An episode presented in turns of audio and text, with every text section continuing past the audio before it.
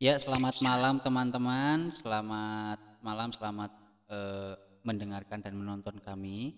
Saya Asmisul Islami mewakili Salim. Bentar, volumenya kurang gede. Nah, saya mewakili Salim bersama Romo Ucup Vanpier, nama IG-nya, nama aslinya Yusuf Widiarko. Eh, kali ini, pada malam ini, tema kita adalah pluralisme, kebenaran terpancar dari semua. Nah, setelah dua minggu kemarin kita bahas eksklusivisme dan inklusivisme, tibalah saatnya kini sekarang kita membahas pluralisme atau paralelisme. Hmm. Nah, tiga tema tersebut kami ambil dari sebuah buku berjudul Dialog Intrareligious, eh, tulisannya Raimundo Panikar. Jadi paling tidak kita hmm. tiga, tiga minggu ini membahas pemikiran Raimundo Panikar tapi dalam tataran masih yang masih melayang-layang apa? Berarti tataran tolong dibantu mo. Kalau di atas itu apa? Permukaan. Maksud terima kasih bantuannya mo. Di tataran permukaan. Jadi kita tidak menyelam ke dalam kita tidak mem, apa menggali lebih jauh tentang pemikiran Raimundo Panikar. Kita hanya melihat dari kulitnya terus kemudian kita apa kita lihat kulitnya itu kita apa jadikan sebagai acuan untuk melihat iya hmm, untuk melihat apa eh, kejadian-kejadian atau fenomena-fenomena sosial gitu ya mau ya. Mau ya om rekaman di ya. Oke. Okay. mana saya hilang ya?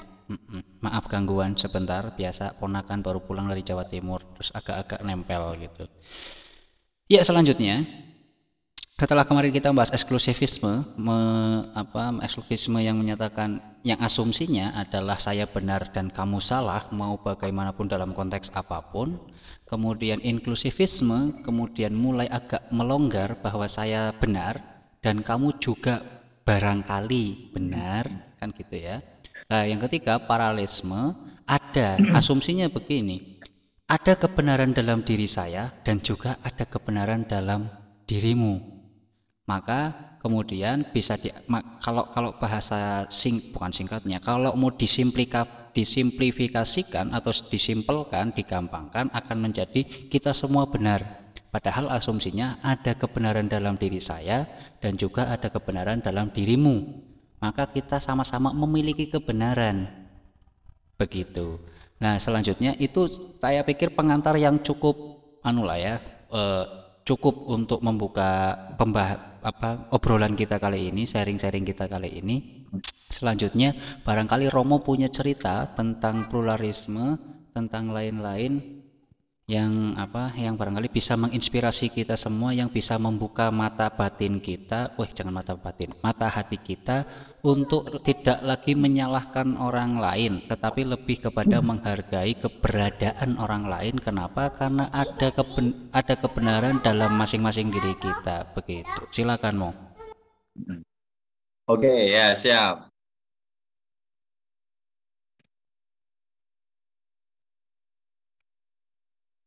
Monggo, mau. Oke, sudah siap Bu Salmi? Iya, silakan, dipersilahkan monggo. Langsung saja. Oke, siap. Baik teman-teman, soal pluralisme. Pluralisme sederhananya kan eh, artinya plural itu kan beragam, beraneka ragam. Jadi pluralisme itu sebuah ya kalau sebuah teori atau paham uh, yang menyadari bahwa di dunia ini juga kita beragam, dicipta dengan banyak perbedaan gitu ya.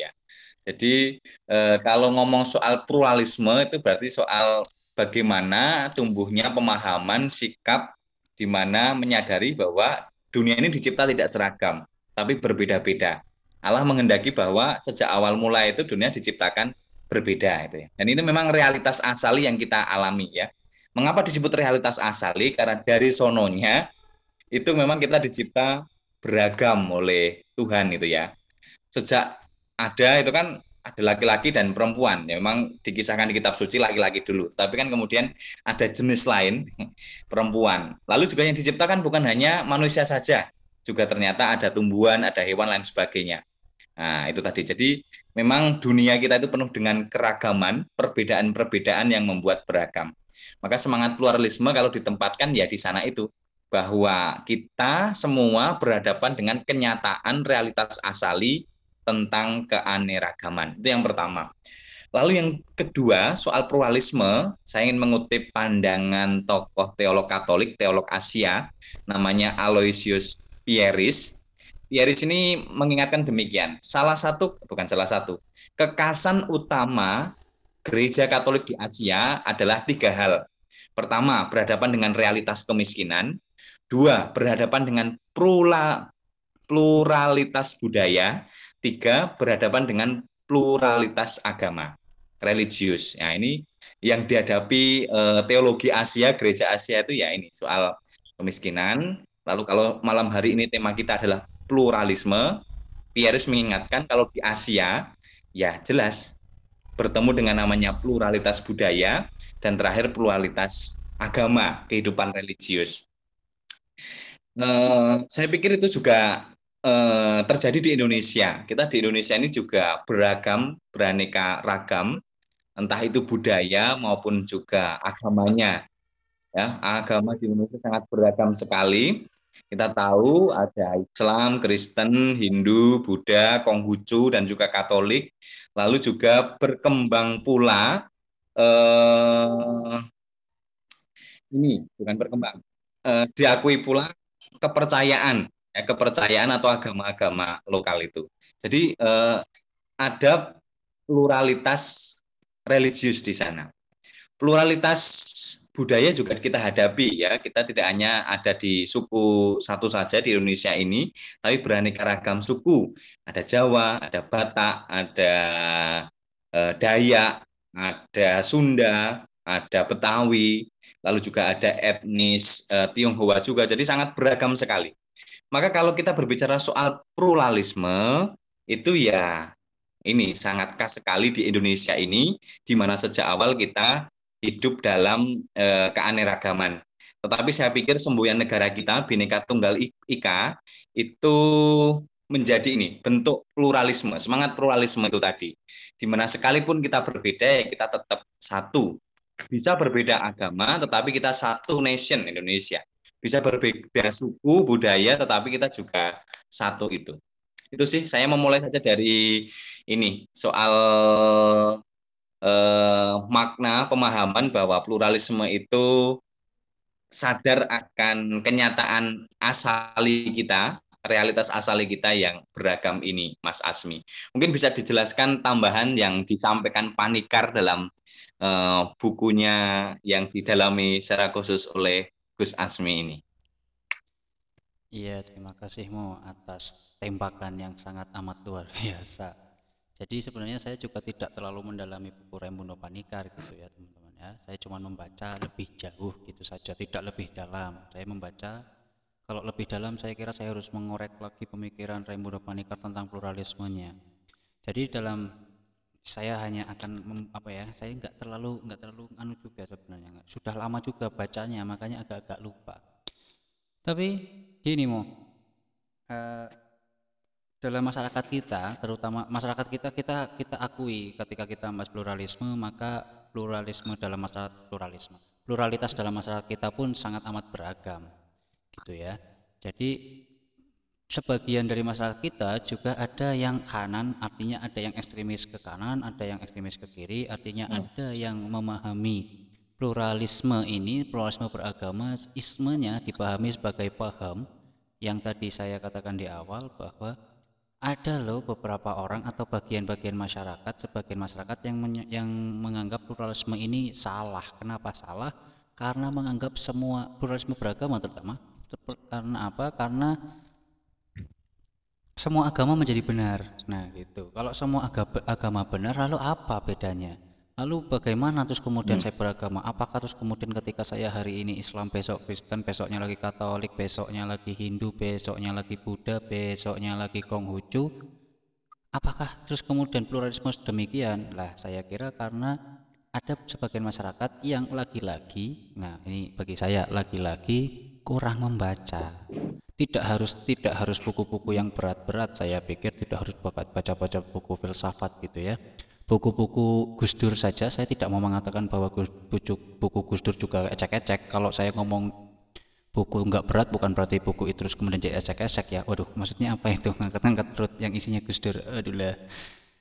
Anu kira agak boyoknya agak gimana gitu oh gitu. naik. Oh iya iya iya. Saya saya saya agak terkodekan ingin dikenalkan sebagai anggota Gus Durian Banyumas gitu ya.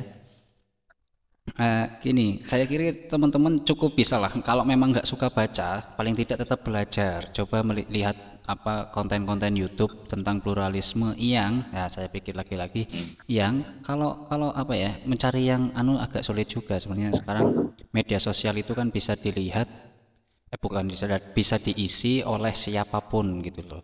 Jadi mau dia apa mau dia berkualitas atau tidak media sosial tetap akan bisa dipenuhi dengan konten-konten gitu ya Nah, kalau terus kemudian ngomong, mau ngomong Gus Dur, banyak loh buku-buku Gus Dur atau video-video di YouTube tentang apa masalah apa eh, video YouTube Gus Dur di bukan di membahas tentang pluralisme, tentang keberagaman, duduk bukan keberagamaan, tapi keberagaman bangsa Indonesia gitu ya. Kalau karena Gus Dur nasionalis religius gitu. Jadi saya pikir isme ini tidak bisa dipahami sebagai paham saja, tetapi juga kesadaran gitu ya.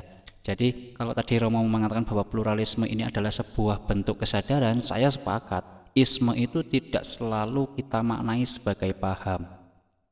Teman-teman bisa bacalah buku isme-isme di dunia itu yang dari A, isme-isme yang dari abjad A sampai abjad Z itu. Ah, bunyi apa itu? Dari abjad A sampai abjad Z itu ada buku judulnya Isme-Isme di Dunia. Coba cari saja. Saya lupa kalau penulisnya siapa. Saya pernah punya, tapi dipinjam nggak tahu ke mana sekarang. Saya punya buku banyak dipinjam-pinjam terus hilang-hilang gitu ya. Nah, masalah pluralisme itu terus kemudian Romo tadi juga mengutip, saya juga akan mengutip biar lebih valid saya buka Quran gitu ya. Quran digital terutama yang sudah ada terjemahannya.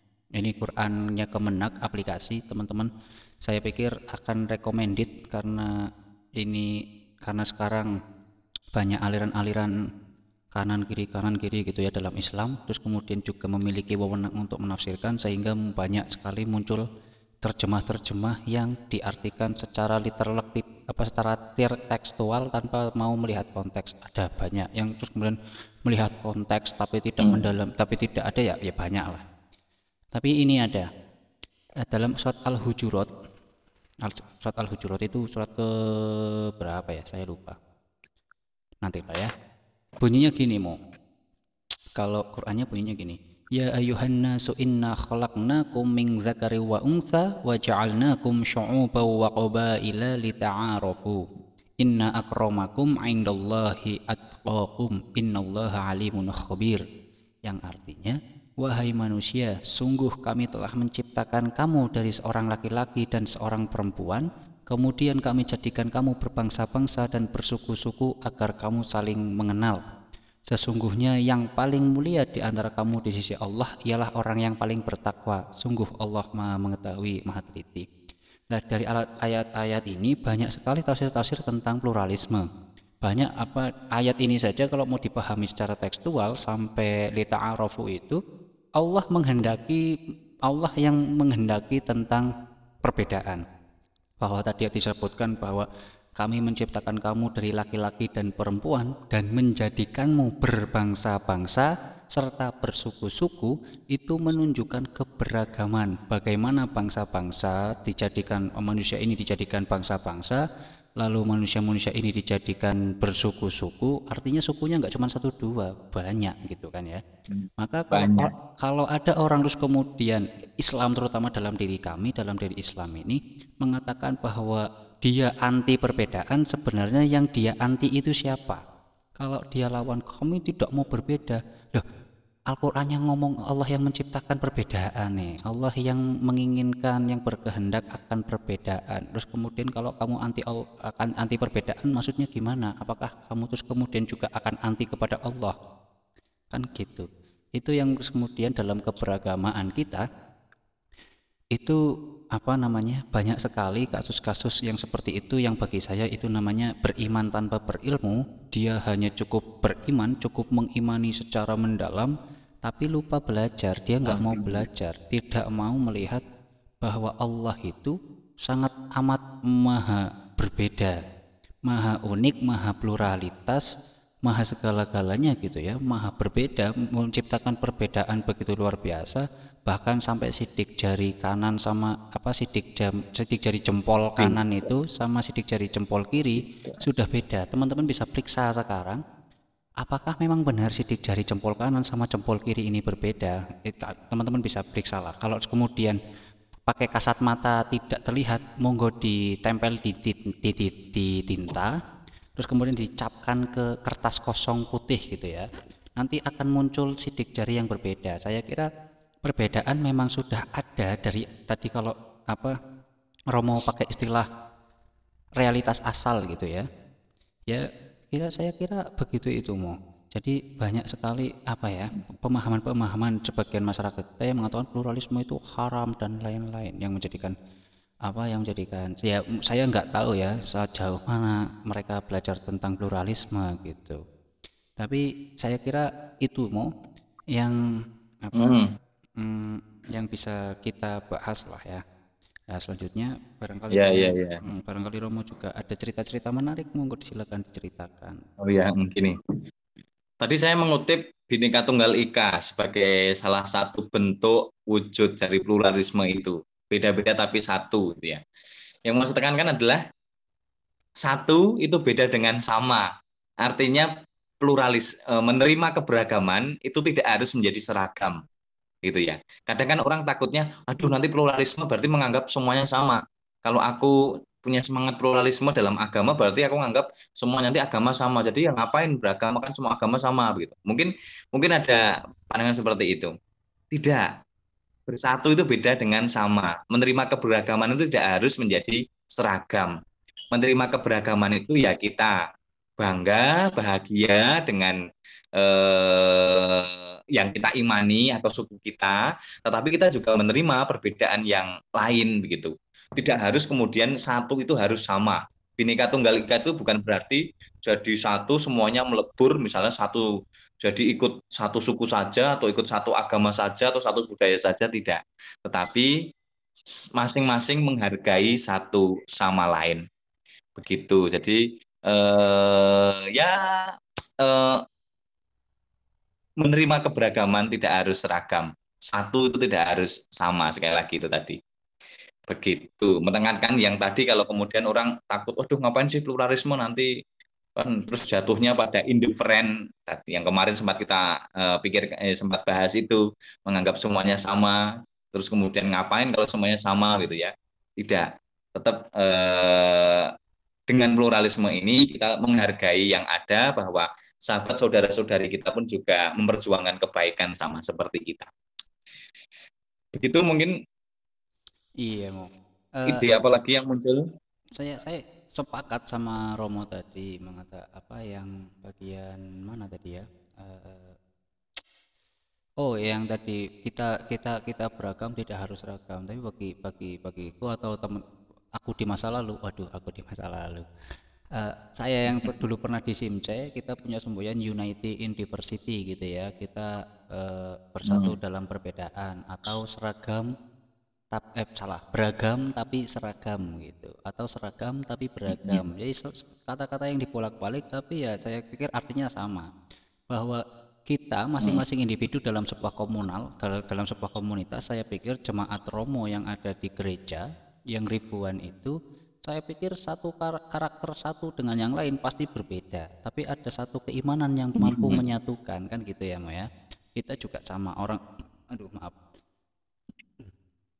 orang Islam di seluruh dunia itu luar biasa banyaknya. Terus kemudian kalau terus kemudian kita harus menilik secara keislaman, semisal teologi saja masalah akidah itu beragam.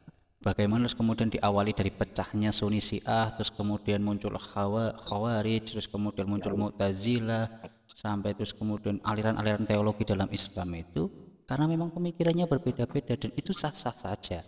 Kalau terus ditanya mana yang benar, ya silahkan dibuktikan dengan dalil, dalil apa, dalil akli juga nakli gitu ya. Ada dalil yang rasional dan juga dalil yang wahyu, yang apa, yang memang datangnya dari Tuhan. Silahkan digali dan dijelaskan ayat mana yang terus kemudian dipegang dan silahkan dibuktikan metode apa yang digunakan. Kan silahkan saja metode penafsiran itu banyak. terus kemudian metode akli atau logika itu ya silakan digunakan silakan digunakan untuk membuktikan apa yang diyakini itu kan tidak masalah mau meyakini bahwa apa namanya eh, bahwa Tuhan itu mau bagaimanapun juga tidak masalah bagi saya tinggal bisa dibuktikan bukan bisa dibuktikan silakan dibuktikan sesuai dengan keimananmu kan begitu saya pikir university in diversity itu kesatuan dalam keberagaman bahwa kita sama-sama percaya bahwa Tuhan itu satu, tapi kan keberagaman yang muncul adalah bagaimana pemahaman kita terhadap Tuhan. Bahkan dalam diri saya saja dalam dalam dalam Islam saja begitu.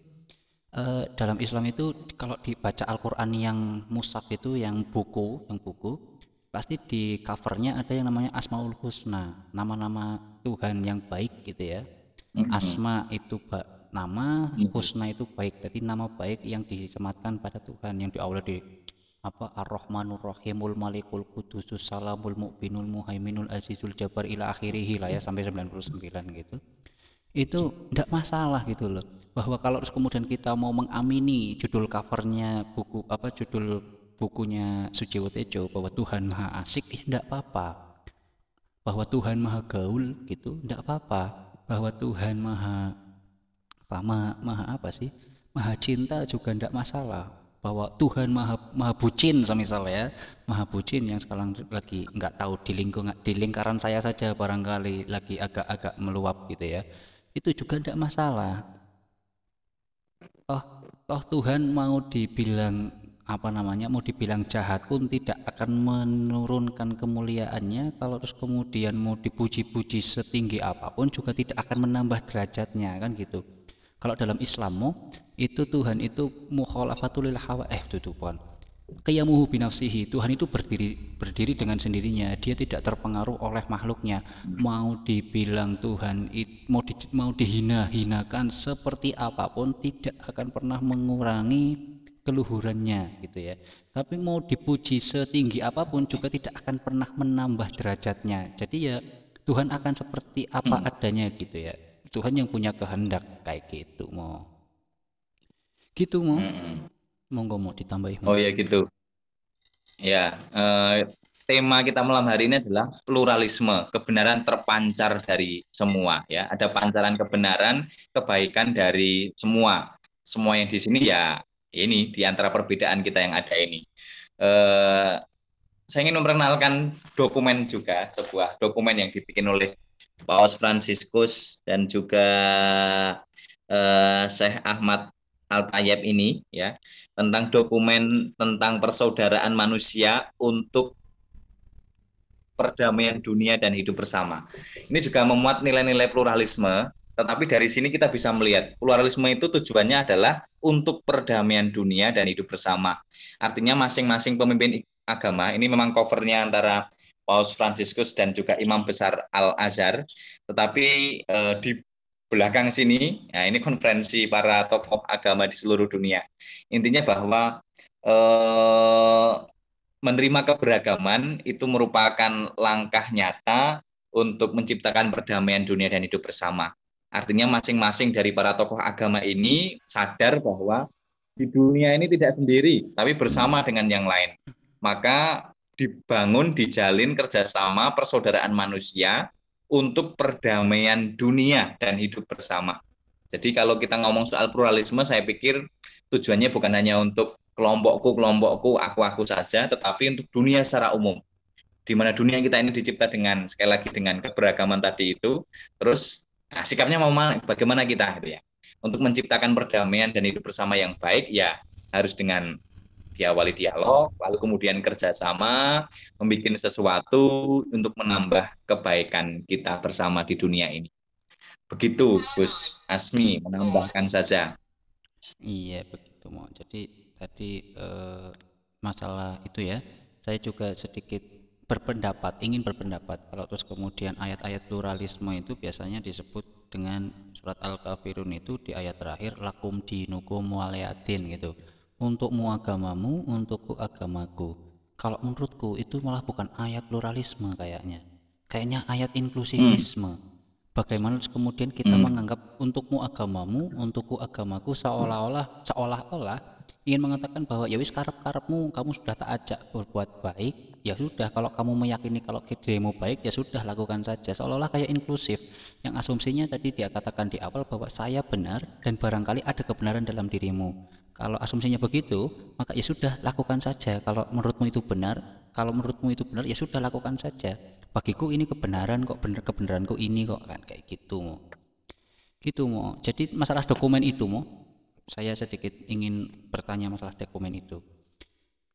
Hmm. Saya bisa mendapatkan gratis di mana, Mu? Bisa saya dapatkan secara gratis itu di mana? Yang cetak. Oh, di yang, yang cetak. Eh, cetak. Mm -mm. Ya sesuai yang ketemu. Oh iya. Wah, cukup peka ternyata. Terima kasih ya. Terima kasih. Hmm.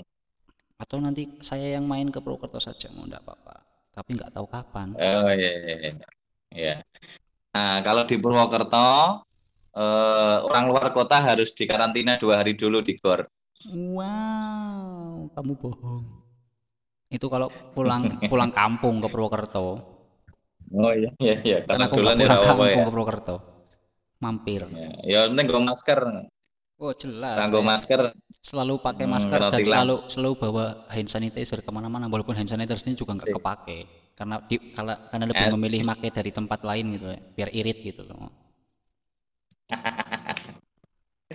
Begitu ada lagi Gus Asmi oh katanya suaraku kecil banget ya. Apa ada masalah dengan suaraku ya? Harusnya udah gede banget soalnya di monitoring ini suaranya udah gede dengarkanlah aku. Iya icik icik kencer. Ya, icik icik tak musikin mau. Nyanyi aja terus Gitu mau. Hmm, saya pikir gitu ada lagi uh, tambahan Gus Asmi. Tak pikir pluralisme itu sebenarnya suatu hal yang sudah kita mengerti apalagi yang terus kemudian uh, follow Salim mengikuti apa live streaming kita saya pikir mereka sudah teman-teman semua yang follow yang terus kemudian nonton live stream saya pikir atau yang nanti juga akan mendengarkan Spotify gitu ya saya pikir sudah uh, cukup mengerti lah tentang pluralisme. Kita hanya akan sedikit-sedikit membahas gitu ya. Kalau biasanya sih kalau dalam diskusi-diskusi gitu dalam dalam lingkaran wacana-wacana, seminar-seminar kalau atau beberapa diskusi yang saya isi atau seminar yang saya isi, biasanya pembahasannya akan merujuk pada uh, kekerasan atau intoleransi. Jadi bahas temanya pluralisme tapi bahasnya tol, apa intoleransi. Bagaimana kita negara yang digaung-gaungkan beraneka ragam ternyata banyak sekali intoleransi yang terjadi. Bagaimana? Terus kemudian kita didiskriminasi yang salah satu yang diskriminasi adalah salah satu bentuk intoleransi gitu hanya karena kita berbeda. Tidak hanya masalah agama tapi juga masalah suku ras warna kulit gitu ya. Kalau teman-teman di Jogja itu dulu saya di Jogja pernah diceritain saya itu yang dari Indonesia bagian timur gitu ya wilayah timur itu kalau hmm. datang ke Jogja nyari kos-kosan itu susahnya luar biasa katanya. Kenapa? Karena begitu karena, karena begitu tulisannya apa e, terima kos putra begitu nanya ke ibu kosnya katanya udah penuh lah kalau kalau udah penuh ngapain masih ditempel terima kos putra gitu kan harusnya ya sudah nggak usah ditulis hmm. terima kos putra kalau memang harus mau ditempel-tempel gitu buat iseng-iseng ya tulis saja kos penuh gitu kan ya jadi ndak usah apa? Ndak usah ditulis terima kos putra. Kalau memang penuh lah ternyata penuh itu hanya sebuah alasan untuk menolak warga yang lain menolak. daripada iya menolak yang lain gitu. Yang lain dalam arti yang berbeda. Bahwa Indonesia bagian timur itu memang kalau ngomongin bangsa ya mereka saudara sebangsa kita gitu kan. Mereka juga menyumbang apa menyumbang punya sumbangsih punya andil dalam hal kemerdekaan kita gitu ya.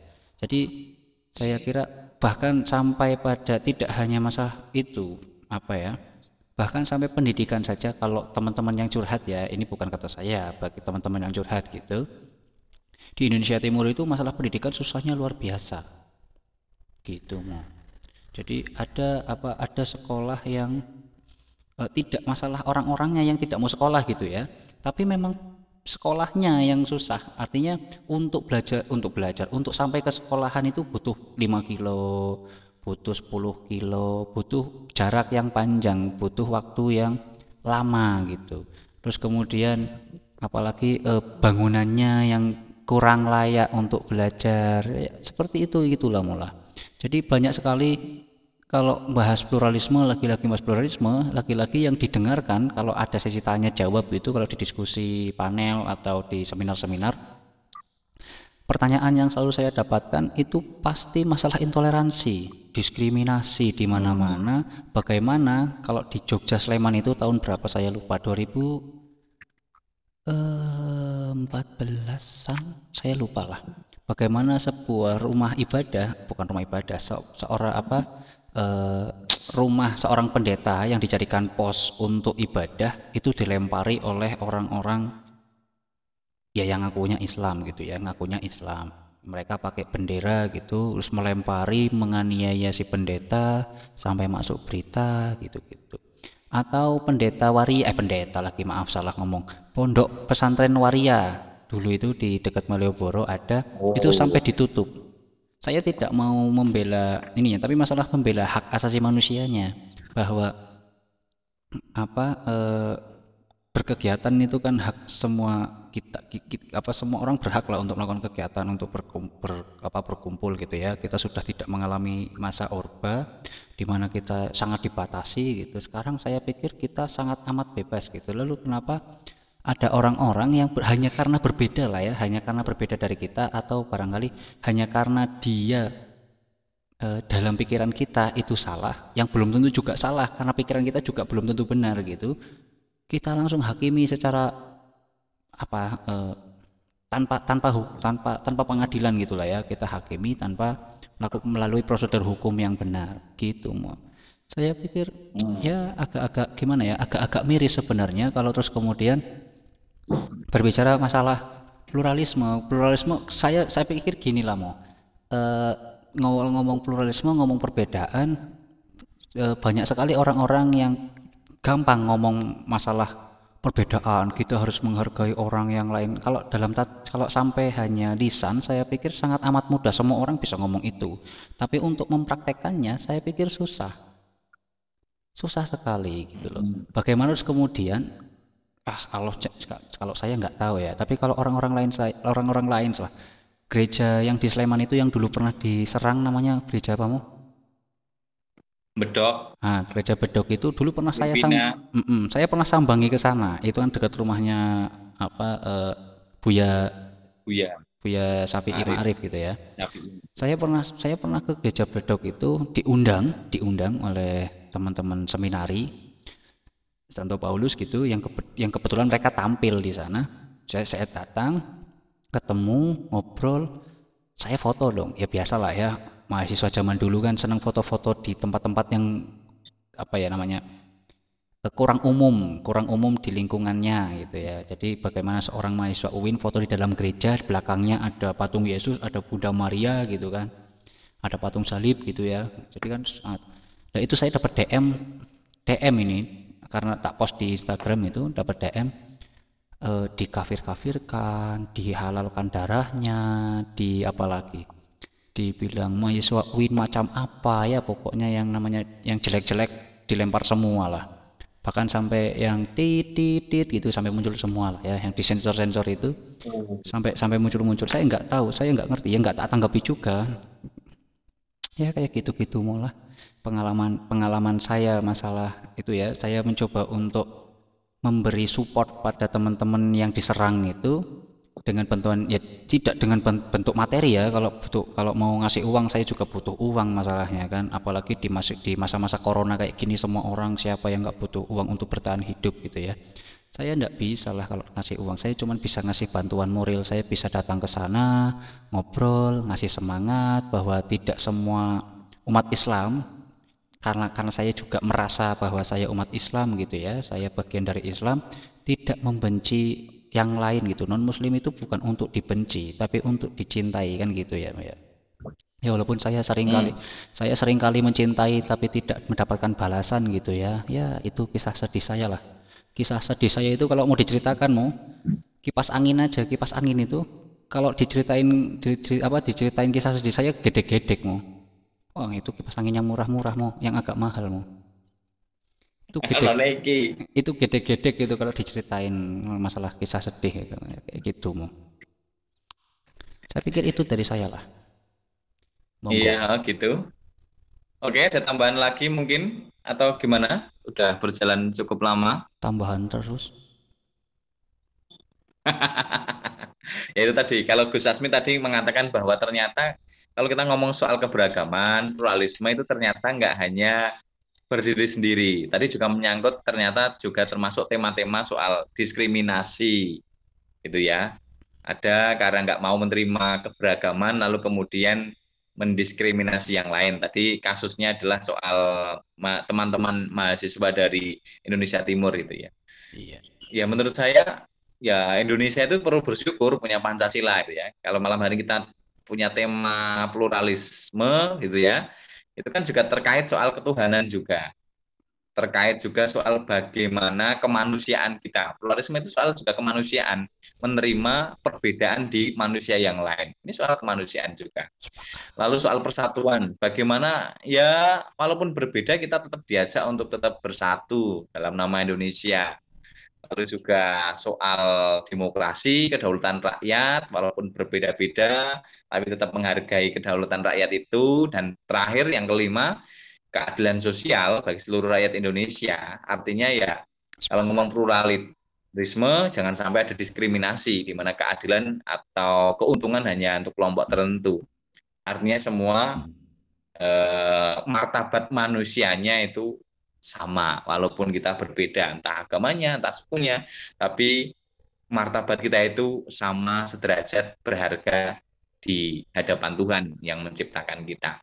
Begitu. Jadi artinya ya ngomong soal pluralisme juga menyangkut ke yang lain. Tadi juga Gus Asmi menampilkan contoh-contohnya seperti itu.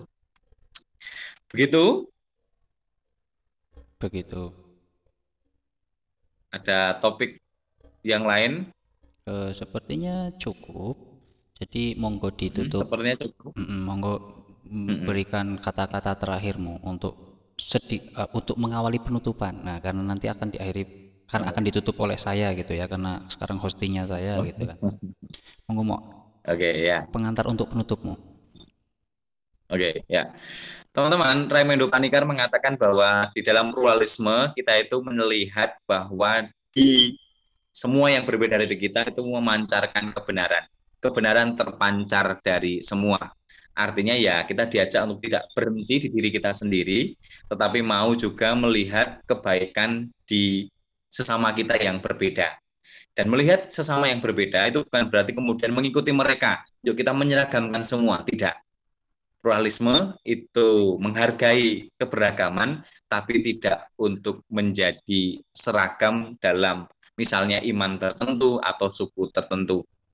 Satu itu tidak berarti harus sama seragam, tetapi satu itu university in diversity, ya toh? Ah, tadi gitu ya, Mas Azmi ya itu ya. Iya, Jadi betul. tetap bersatu dalam Perbedaan. keberagaman. Mm-mm.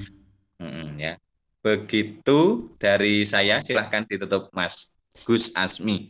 Iya, sebenarnya gini, bukan bukan bukan Raimundo Panikar yang mengatakan pluralisme itu kebenaran terpancar dari semua. Jadi apa yang saya pahami tentang pluralisme Raimundo Panikar, saya terjemahkan ulang dengan bahasa yang agak jelek gitu ya, agak-agak agak-agak wagu kalau bahasa sini itu.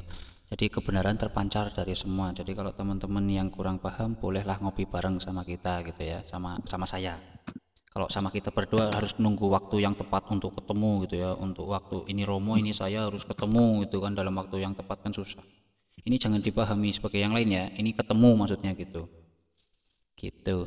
Jadi pluralisme itu asumsinya saya ulangi lagi asumsinya adalah bahwa ada kebenaran dalam setiap kita dalam setiap diri kita dalam setiap dalam diri saya dalam diri Romo dalam diri teman-teman yang nonton ini yang ada delapan ini ada kebenaran dalam diri kita masing-masing. Atau contohlah eh, teman-teman katakanlah saya perempuan Romo perempuan yang nonton perempuan semua bahwa tidak bisa kita dalam konteks bersosial mengatakan bahwa saya yang paling cantik. Wah nanti akan muncul perdebatan. Kenapa? Loh yang lain juga akan pasti merasa paling cantik Waduh, kok cantik gini saya kalau ngomong. Ya maaf kalau logat-logatnya jadi rada- rada-rada Madura ini.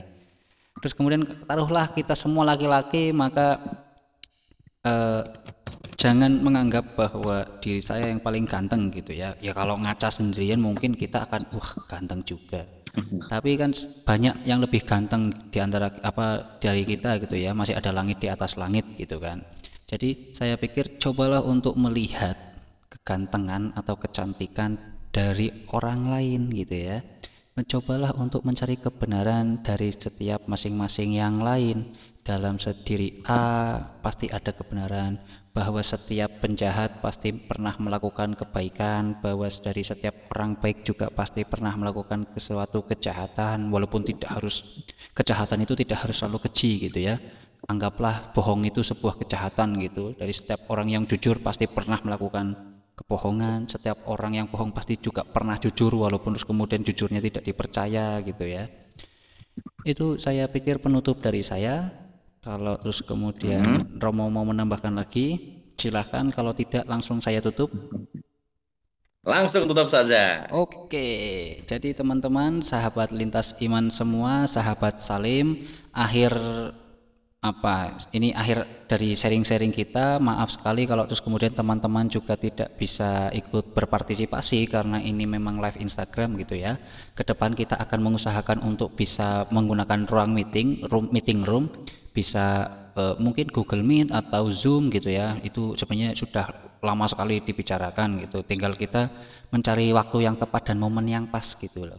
Ap- Apakah sebenarnya kita berdua siap atau tidak untuk menghadapi Zoom gitu ya? Kita harus ngomong dan didengarkan secara langsung melihat orang-orang yang menonton kita gitu. Nggak tahu kalau Romo. Kalau saya nggak, saya juga belum pernah sih kalau lewat online gitu ya. Kalau seminar gitu udah pernah. Jadi kalau online belum pernah. Jadi nantilah teman-teman bisa apa namanya bisa DM ke IG Salim untuk usul-usul tema, usul pembahasan gitu ya, usul-usul tema atau usul-usul yang lain atau Zoom gitu. Boleh, boleh. Eh, gitu saja. Terima kasih. Saya Ya. Asmi Usul Islami dan rekan saya. Ucup Van Gier. Wow. Ya, kami berdua Salim ID Sharing Tas Iman pamit undur diri.